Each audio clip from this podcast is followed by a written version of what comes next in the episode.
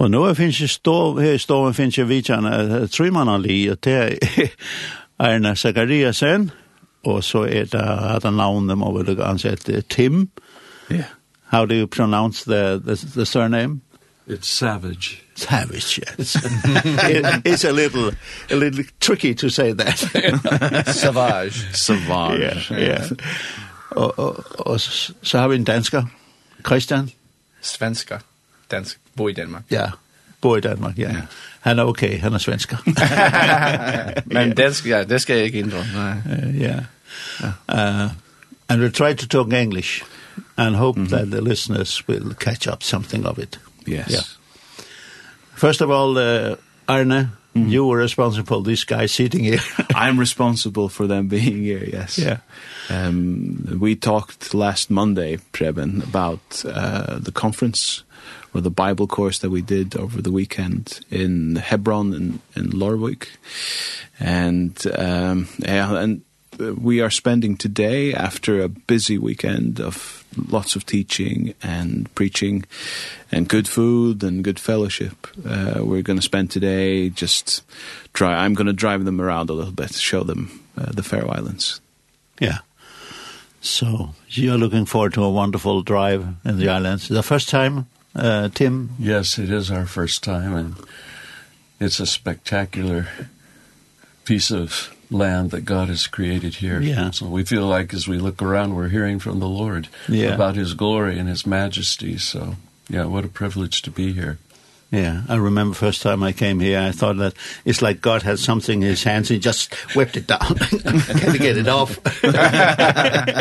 well, he got it off in a fantastically beautiful way.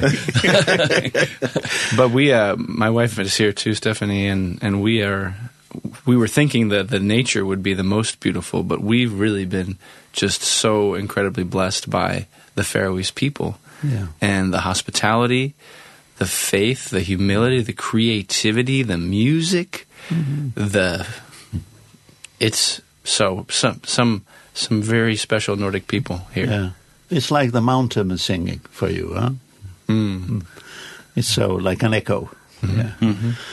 So Tim uh some you say it's the first time and uh you came here last uh, Thursday? Yes. Yes. Yes. And you've been teaching in yes. in Hebron. Yes in yes. Larwick. Yeah. And the subject is uh, all the the gospel for all your life or something like that in English. Yes. Yes. And uh, what's uh, why that Well, we we talked a lot about what it means to be in Christ and what it means for Christ to be in us which is a forgotten part of the gospel, I think, for many of us. And uh, I think we're just in awe to go through Paul's epistle to the Colossians mm -hmm. and see what he had to say about um, just the enormous blessing of actually knowing that Christ is living inside of us. Mm -hmm. Yeah. It's like many many, uh, many churches has focus on being um, born again Yeah. And uh, when you're born again, it's like, uh, thank you, that's a big deal. Yeah. Yeah. yeah. Uh, but not not what you are teaching. You're teaching, of course, that, but yes. that you go further. Yes, we talked about the fact that being born again is, is absolutely precious. Praise God that we are born again. But that's the beginning of a life in which Christ is living in us and reproducing his self-giving love uh, a love that is infinite in volume, that we can't hold it in, and we need to be pouring it out. We actually looked at uh, briefly at Pilgrim's Progress as an example of the fact that Christian, the pilgrim, was converted in the first pages of the book. that the rest of the book was about the journey. You know, born again sort of puts us on our feet with mm -hmm. Jesus. Yeah, and then the rest of our life we're walking with him. Mm -hmm. If you take the story with the, the apostle, the story with the apostles, yes. how they meet Jesus and uh, all the what they do yeah. until their death. Yes. Yes. Some, yes. Yeah. Yes. Exactly. It's another good yeah. illustration. Absolutely. Yeah. Um, you probably also talked about the kingdom. Hmm. The kingdom here and the kingdom there. Yes. Yeah. Yes. Can you say a little about that? Well, yes, I mean, there is a sense in which the king is now living in our hearts. So the kingdom has come, it's come near, very near, into our hearts, but the kingdom isn't fully uh, expressed yet. It's going to be consummated one day when Jesus returns and heaven is, uh, heaven begins. So we have the first installment, we have the down payment of the kingdom living inside of us, but we're waiting for the full implementation one day. Mm -hmm. um, the fact that we have it a little bit now, Jesus inside of us, um, gets us excited about what's coming because mm -hmm. the down payment is beautiful. The consummation is going to be over the top glorious when we are with Christ finally. Yeah uh, I had a, uh, heard an illustration about that, uh, like the Second World War, when the Allied came to Normandy and took the beaches and Fora. But there was a real battle before the, the final victory in Berlin. Yes, yes. Uh, like, uh, like you saved, you're yeah. born again. Yeah. But then there's a, actually a struggle yes. on the way. Yes, good, very good illustration of that. I'll use that in a sermon someday. Thank you. do I need to cite you? okay, you can do whatever you like. as long as you don't mention my name. okay. So don't. Uh, Someone, so, said so, there's no plagiarism in the kingdom of God. no. No. No. And um I heard the guy who said uh, they're talking uh, say bad things about you. Don't tell me the, what they said, but don't who did it. Don't say that. yes, yes, yes. Um, but there's a fight as a Christian. Yes. And that could be hard to accept. That's a, really a, a battle going on, yes. inside and outside. Yes, yes. Well, we as Christians still have the flesh, as Paul puts it. And the flesh is that weak part of us that is turned in on itself Uh, what's the root of our sins. And we don't stop sinning as Christians, which causes us great pain. What makes us different from non-Christians is not that non-Christians have the flesh and we don't. No, we both have the flesh. The difference is we have the Holy Spirit as well. And the Holy Spirit, as Paul says in Galatians 5.17, wars against the flesh. Mm -hmm. And um, increasingly, is winning the battle. We are becoming more and more like Christ as the Holy Spirit is subduing our flesh. But mm -hmm. i our flesh won't be completely subdued until we see Jesus. Yeah. And then we'll be like him. Then as paul says we will be conformed. Our bodies will be conformed mm -hmm. to his glorious uh, body. Uh, yes a battle. You're right. Yes every day for us. But praise God we have that battle. Mm. The world doesn't. It's just flesh. It's mm. just sin. It's just emptiness. It's just hopelessness. Yeah. We have the Holy Spirit. What a gift. Yeah. And the sin has a byplayer called the devil. Yes. Yes. He's good I at that. I believe in Satan. He's good at that. yeah, he's good at that. Yes. Sometimes we think he's work overtime. I know, I know. It feels like that yeah. sometimes. Yeah. My wife often reminds me when I'm discouraged or something. She says, you know, honey, I'm not sure you take Satan seriously enough. Okay. You know, because he's real. And I say, you know what? You're right. He is. yeah. And uh, yeah. You know, uh, I need the Holy Spirit's help mm -hmm. against his mm -hmm. his uh, attacks. Yeah. Tell us about the Holy Spirit, how you were talk with him or your experience with him. The, uh, the Bible calls the still small voice. Mm. Mm. In your life, how is that?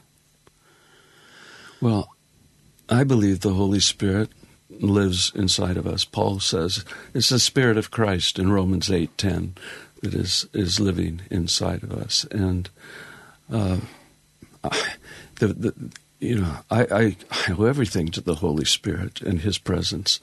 He's always there reminding me of, of, of the beauty of Christ and, and why I should be eager to live for Christ.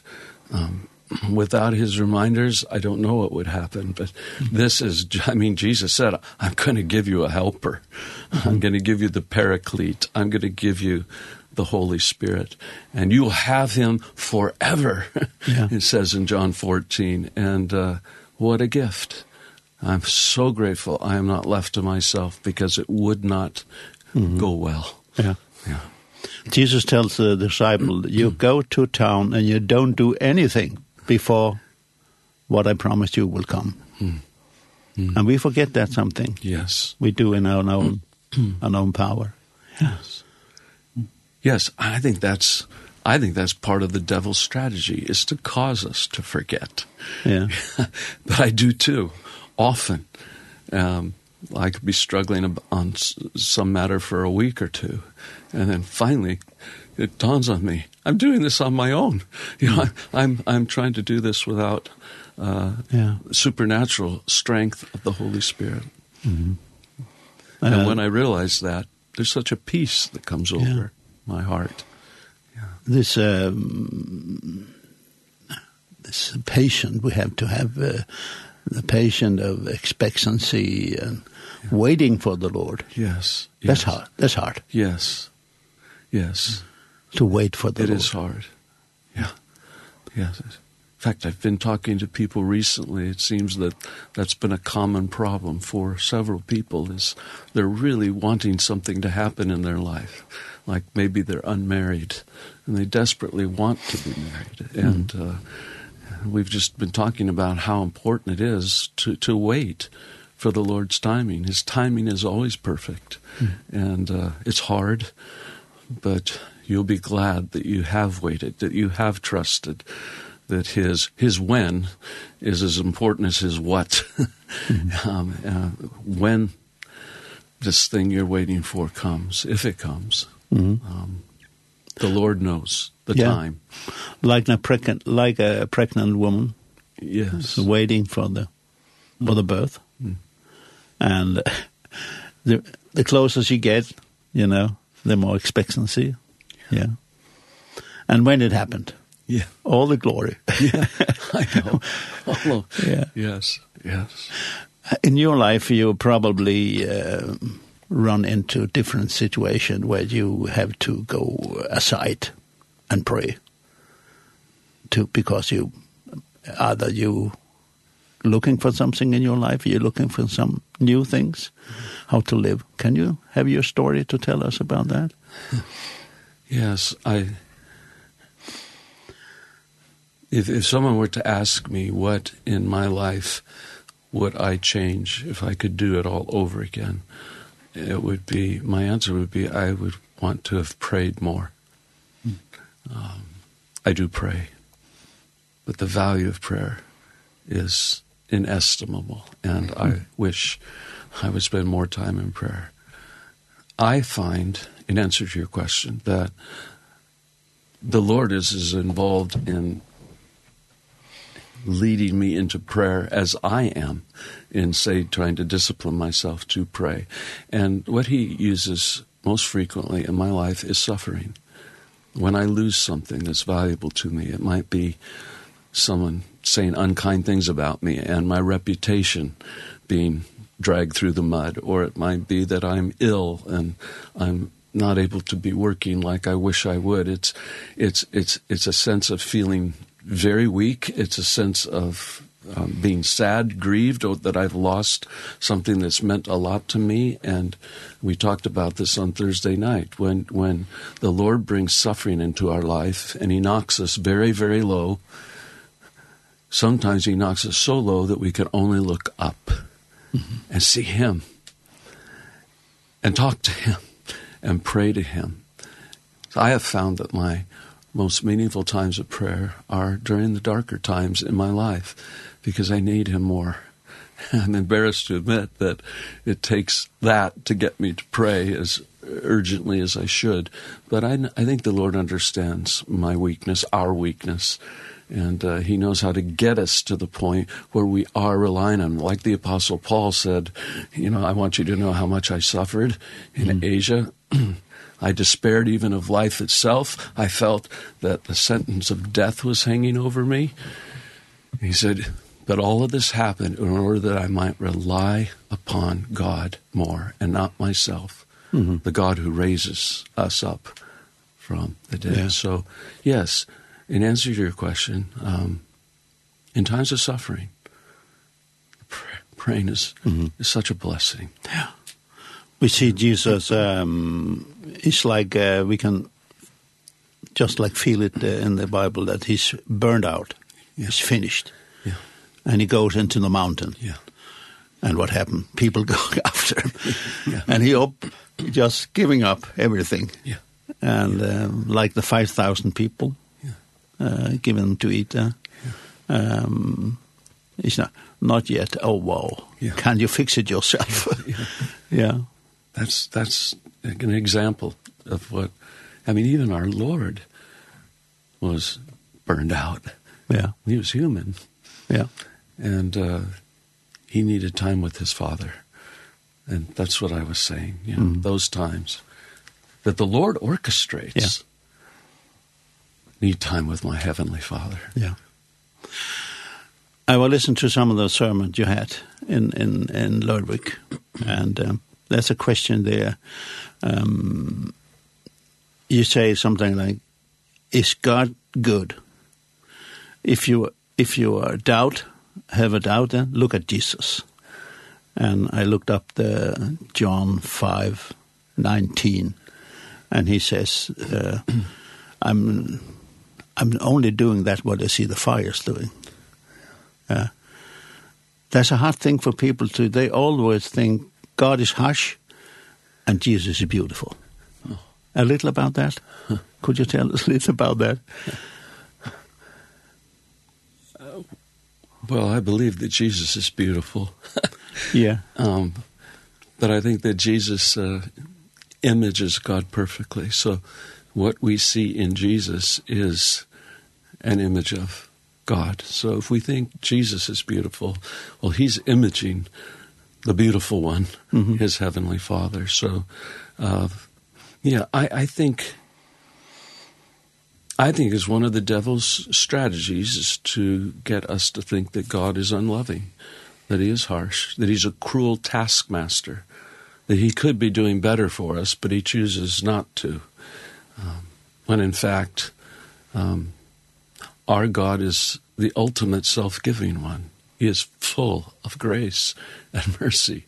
He so loved the world that he gave, gave, gave, gave, gave his only son. And like I mentioned in one of the talks, I mentioned that I would never give my son, one of our sons, to anyone. I just wouldn't. I might give myself mm. in death to some, but not one of our sons. God did give his son. This is not a harsh God. This is a God who gives his son to those who are unlovely and undeserving. Mm -hmm. uh, that's a kind of love that few of us can reproduce. we can a little bit when the Holy Spirit is in us, but uh, our God is well he's like the the he's like the father in the prodigal son story, isn't he? Where the we the child go off with the father's money and you know God has given us so many gifts and and we go off and live the way we want to apart from God and uh and we realize that that's a life of emptiness it leads to nowhere mm -hmm. so we turn around and we head home why would we head home mm -hmm. we've taken our father's money we've effectively said we wish you were dead because you get your father's mm -hmm. money when he's dead and the will we head home And uh, we head home because we know that our Father, we have some idea that He's loving, and He is. And, you know, just give me give me a, a bed in the servants' quarters. That's all I ask, Father. Well, in the story, we, we, we see that the Father, he, he had his eye on the horizon. And when just so much as the, the, the top of his son, his head crested over the horizon, he ran to the son He threw himself on the son. This unworthy, this horrible son. He kissed the son. He gave him his ring. He gave him his cloak. He said, let's have a party. Let's kill the fatted calf. I mean, this is a God of unthinkable love. This is not a harsh God. Um, so, you know, Jesus is the one who came to earth to show us what God was like. And He was the one who died for us. I mean, everything in the scriptures points to God being a loving God, an incredibly loving God. Um, he is slow to anger. How slow to anger he's been with me. and he's abounding in loving kindness. The devil doesn't want us to discover how loving God is. So he trots out images of God being harsh and cruel and unkind. Don't listen to the devil. He's telling us a lie. Yeah. God is loving. Sometime I talk to people about this, uh, and they say, what about the Old Testament? The God there, I, I can't take him. yeah. yeah. Yeah, when I, when I was in university, there was a Chinese physicist who was... Uh, doing a PhD, and uh, he said to me, China is making a big mistake. It's uh, encouraging all of its students to go into the sciences, not into the humanities, and consequently, we don't know the the answers to the big questions in life like why am i here? What am i doing? Where am i going? And uh he said i understand you're a christian. He said do you have a bible i could read? And so i gave him a bible and he read the bible in one week And his conclusion was, I like the God of the New Testament better than the God of the Old Testament. yes. Which is just what you've said. Uh, so, yeah, I think... I think the God of the God of the Old Testament is the same God as the God of the New Testament.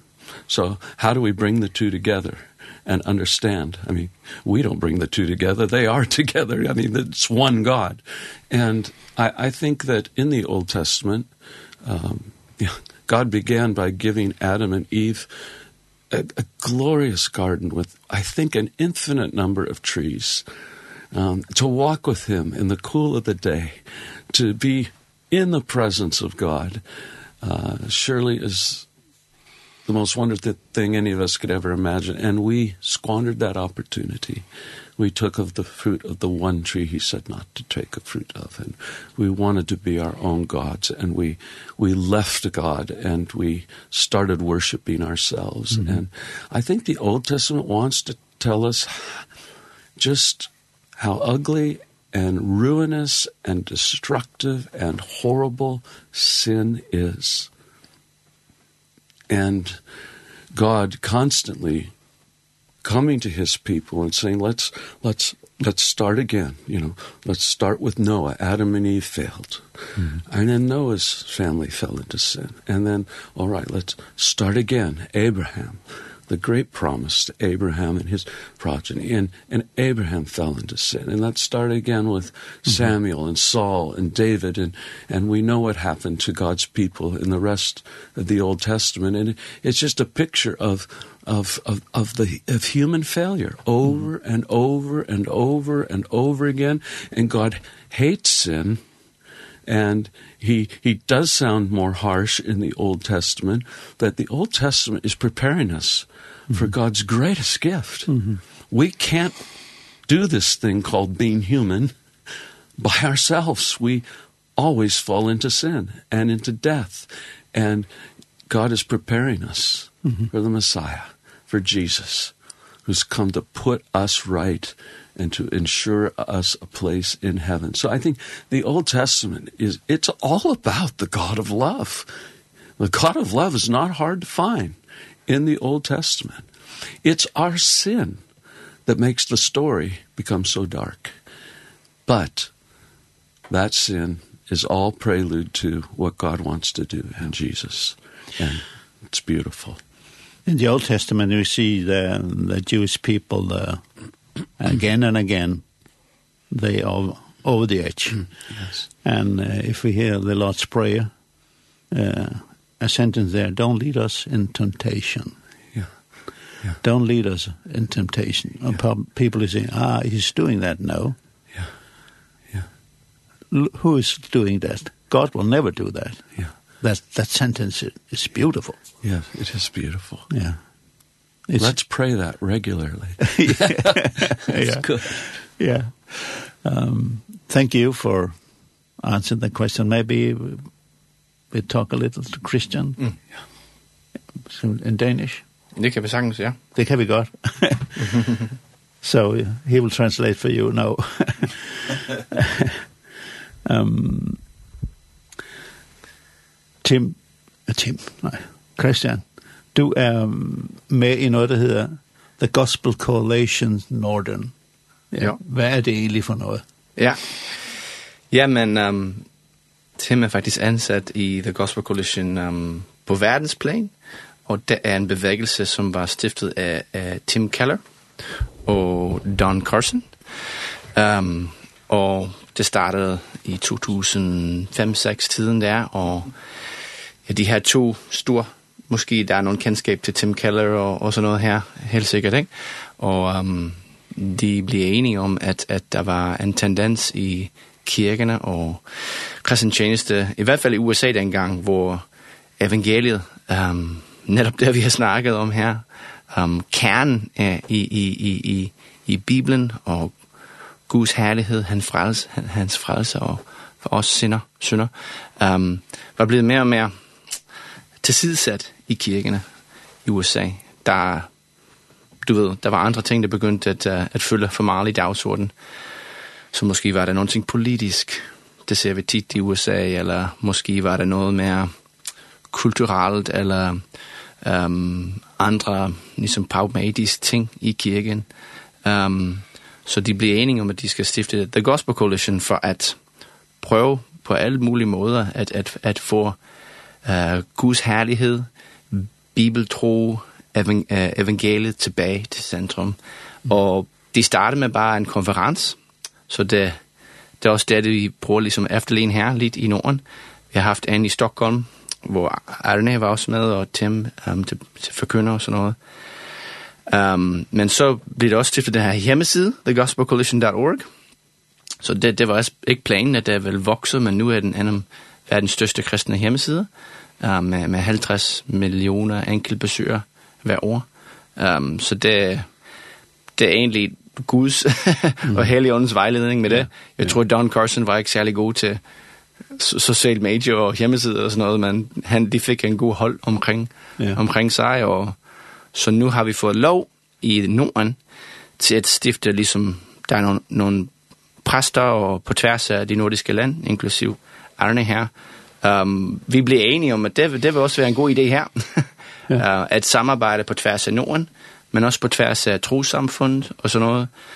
Um, Luthers, karismatisk, baptist, nu også brødremenigheder har vi haft ja. med, så det er dejligt, um, hvor vi vil gerne bare komme tilbage til Guds ord, komme tilbage til, til, til, til evangeliet, um, og det er ikke, ikke fordi vi vil ignorere de andre ting, men bare for at du ved, uh, vores hjerter banker alle sammen for evangeliet, så hvorfor kan vi ikke bare satse sammen mm. for at, for at um, skabe en netværk, en, en hjemmeside, um, nogle begivenheder, hvor ja, det, det, mm. det er det, vi peger på.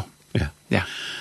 Her på færgerne, der har vi set uh, for en 20-25 år siden, der begyndte uh, en udvikling, hvor uh, alle, faktisk alle menigheder havde uh, evangeliske møder søndag. Mm. Hvert for søndag. Mm. Og det begyndte liksom at falde ned. Det blir undervisning og, og øh, den slags ting.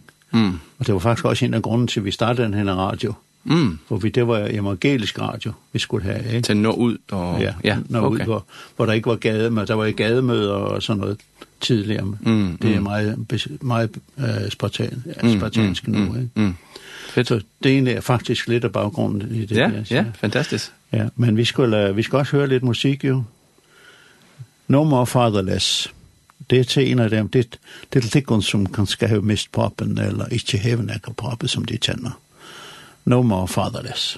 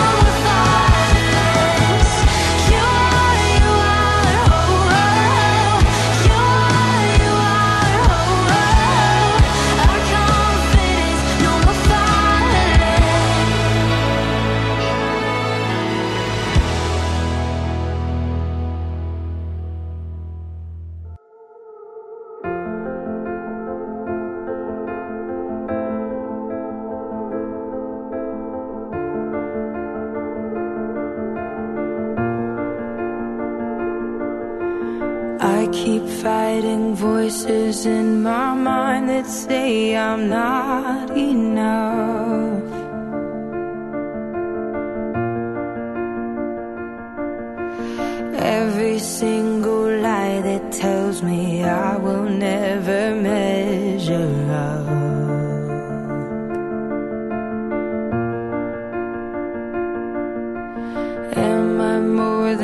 just the sum of every high and every low.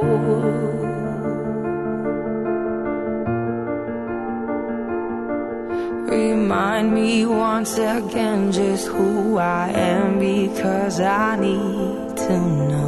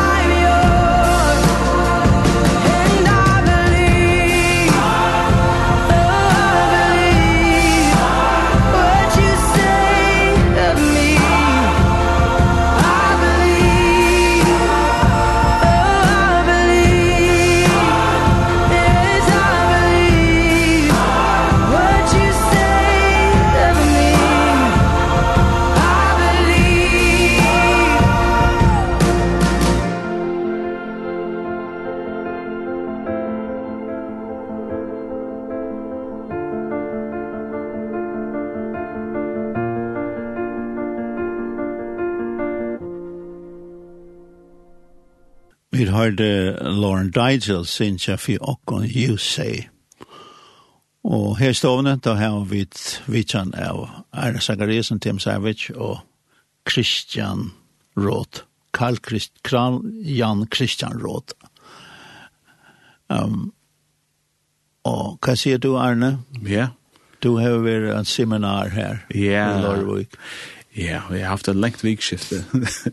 Jeg er sin trøytter nu etter hånden. Men det vet jeg tror det er godt til djevande vikskifte. Um, vi blir av høstkvalde. Her vi møttes oppe i luftene. Til jeg sa et, et tiltak som var mer av vent til løyere eller så løs. Men det kom, det kom en rikva faktisk. Det var fantastisk godt tiltak. Jeg hadde vi sett og... Det er sett i kvartfall vi tar ned innom med rendene. Ja Ehm och så hade vi det där seminar som du säger på Bibliskoj eh i Hebron i Lorwick. Och det checkade oss ni ordentligt väl. Näck folk i över 100 hade meldat sig till och och det var ordentligt och det går undervisning från Tim ehm Sødna Barsten Fridagen och Adlan Lejerdagen fra Tutsch till kvann tror i eller halv fyra. Ehm Og så, så var Tim og Jar og tala i Philadelphia i gøtta, og Christian tala i Silva i Fuglafyrre. Og så i kvöld så er det søgnast vi til lukka som, som er skronne, tar vi uh, færre at møtast vi uh, det som heter Sendebo til KFS, det er unge som er her. Um, Og ja, er et sjule vel nøkter, for hvordan jeg alltid spalt det av, takksamur, læreren for hvordan vel til hever ednast, altså. Og etter sjående karman er ras, at jeg vet ikke sikker ok, og alt tjekk som det skal, og så videre, men, men inni alt jeg vet, det som er, er tøtninga mest, altså bara en, hva skal man säga, halvgå undervisning i evangelien, altså i Bibelen her, vi fører i noen vers for vers, og og det hva sier Guds ord. Det er fantastisk. Ja, um, det her som, som vi tar seg ved tim om at uh, oss Eisen Christian om uh, at uh, til at pratika evangeliet beinleis eh, mm. for sin i glømbogen. Akkurat, ja, nemlig, ja. nemlig. Det er pura rett. Jeg, jeg har også som, som er virus med det, nek vi, vi uh, The Gospel Coalition er at, at det er evangeliet som er middeplen, som er sentrum, um, og, til, og så spyr man hvordan hvordan vis det seg. Og en øyla tydning av parser er akkurat det som du sier uh, evangelisering, misjon, altså hvordan røkka vi det ut, og i en heim som som mer og mer slett ikke skilt det vi tås om han, eh, som sekularisme vinner fram.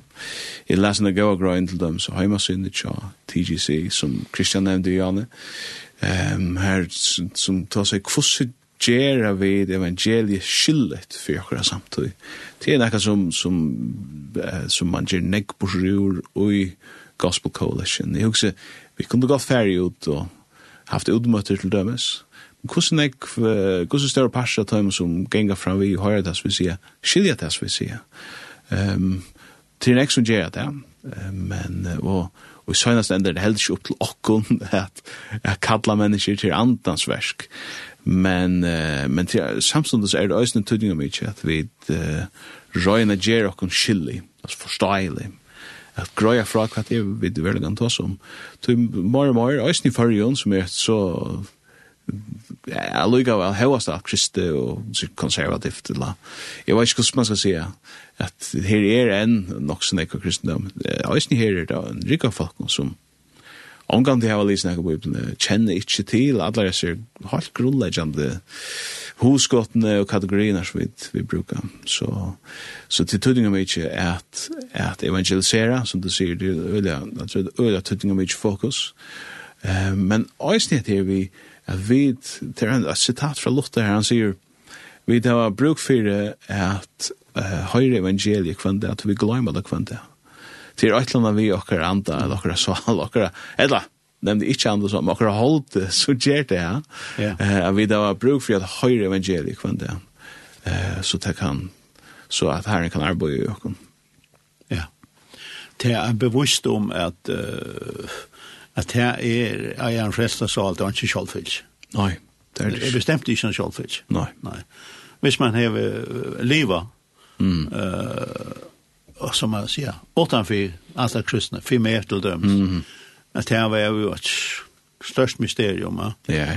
Uh, vi dort inte på hjemme ved hus vi dødte okay. ikke så nei, Slett ikke. Ikke hans holmabok eller noe. Ja, ja.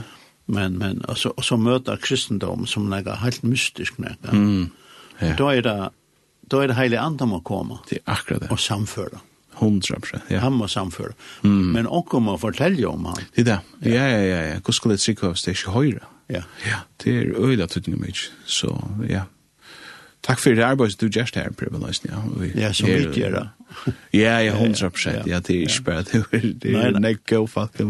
Ja. ja. Mm. Så, men til skal takk for at du kom. Thank you, Tim, yeah. for coming. Mm. Preben kan lukka bara lukka reklamera vi at nasta år så skipar Gospel Coalition her i Norrlondon for uh, en kvinner avstevn som yeah. var i fyrr. Ja. Vi skal nok komme og fortelle deg mer om det, det er norskas mer, men hon er i september. Ja. Um, og det er også ordentlig godt. Um, til Atlan er få bæg Tim og Christian enda veien ta atter. Okay. Og det er også en som heter Kathleen Nielsen. Kathleen Nielsen, ja. Ja, en amerikansk. Og, og ja. også en dansk, ung dansk ja, Eva, dame som er ja. ikke så kendt, men hun mm. kommer også til Eva, ja. Eva Stavad. Nemlig, ja. ja. ja. Uh, også onkel lokal røsning. Ja. Um, onkel Further. Mm -hmm. nordisk, nordisk, ja. Ja, så det var også utrolig spennende. Ja. So Tim, you'll be back next year? in September? Yes, Lord willing, I hope so, yes. That's around the season where the whale is coming. Yeah. so maybe, maybe you can part of, part of a whale hunting. I'll bring my harpoon. and just, just after the sh slaughtering of the sheep, right? You is just, in early October? You're starting to in your, your life. Sharpen it. yes, I have much to learn and I'm eager to learn. Yeah. We, we, uh, we were visiting someone yesterday and they came out with dried whale meat Ooh, and blubber yeah. and yeah. and Tim was the one who liked it best I think yes. is that yeah, yeah. is that a fact yes it was I loved it it was delicious yes yes we we have some some friends uh, from Italy and we served I always make a big plate of every various things and some most Nordic people, they say, oh, no way. But these girls, they took, they eat everything. Don't you have more? They said. yeah. so that's a big surprise. yeah. yeah. So thank you, Tim. Uh, it's for coming. been a blessing. Thank yeah. you. Thank you. Mm. And looking forward to see you again in uh, uh, maybe a year, a minute, um, a lot, less than a year. Uh, tack Christian, för du kom og Arne. Ja, tusen takk for at vi kunne være her. Ja. Men konferensen er en kvindekonferens, Preben. Ja, ja, jo, ja, ja, du skal ikke. Ja, ja. Vi kan nå se udenfor. det er det. Ja. Så nu får vi høre Goodness of God.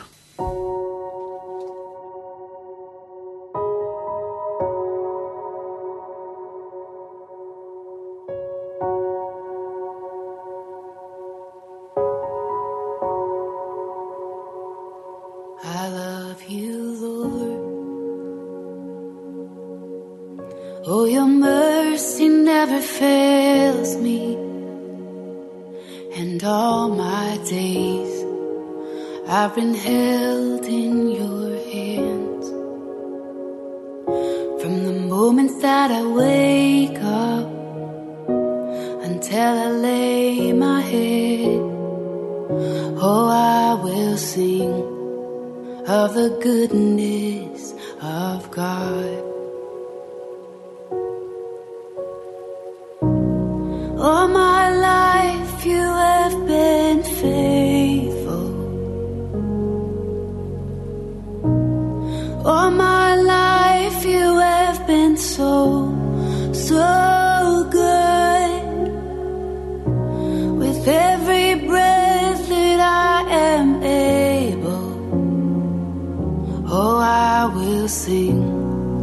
of the goodness of God.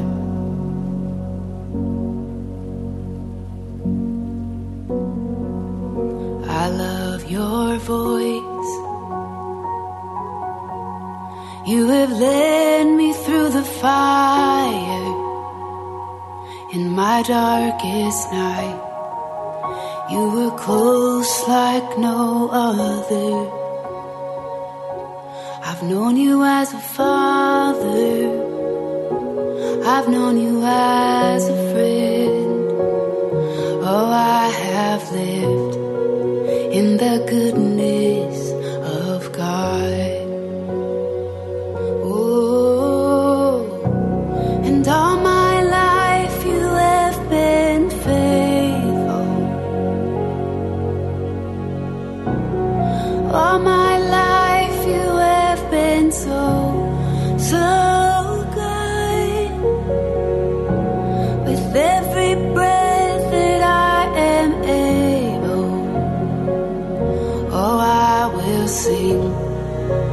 the goodness of God.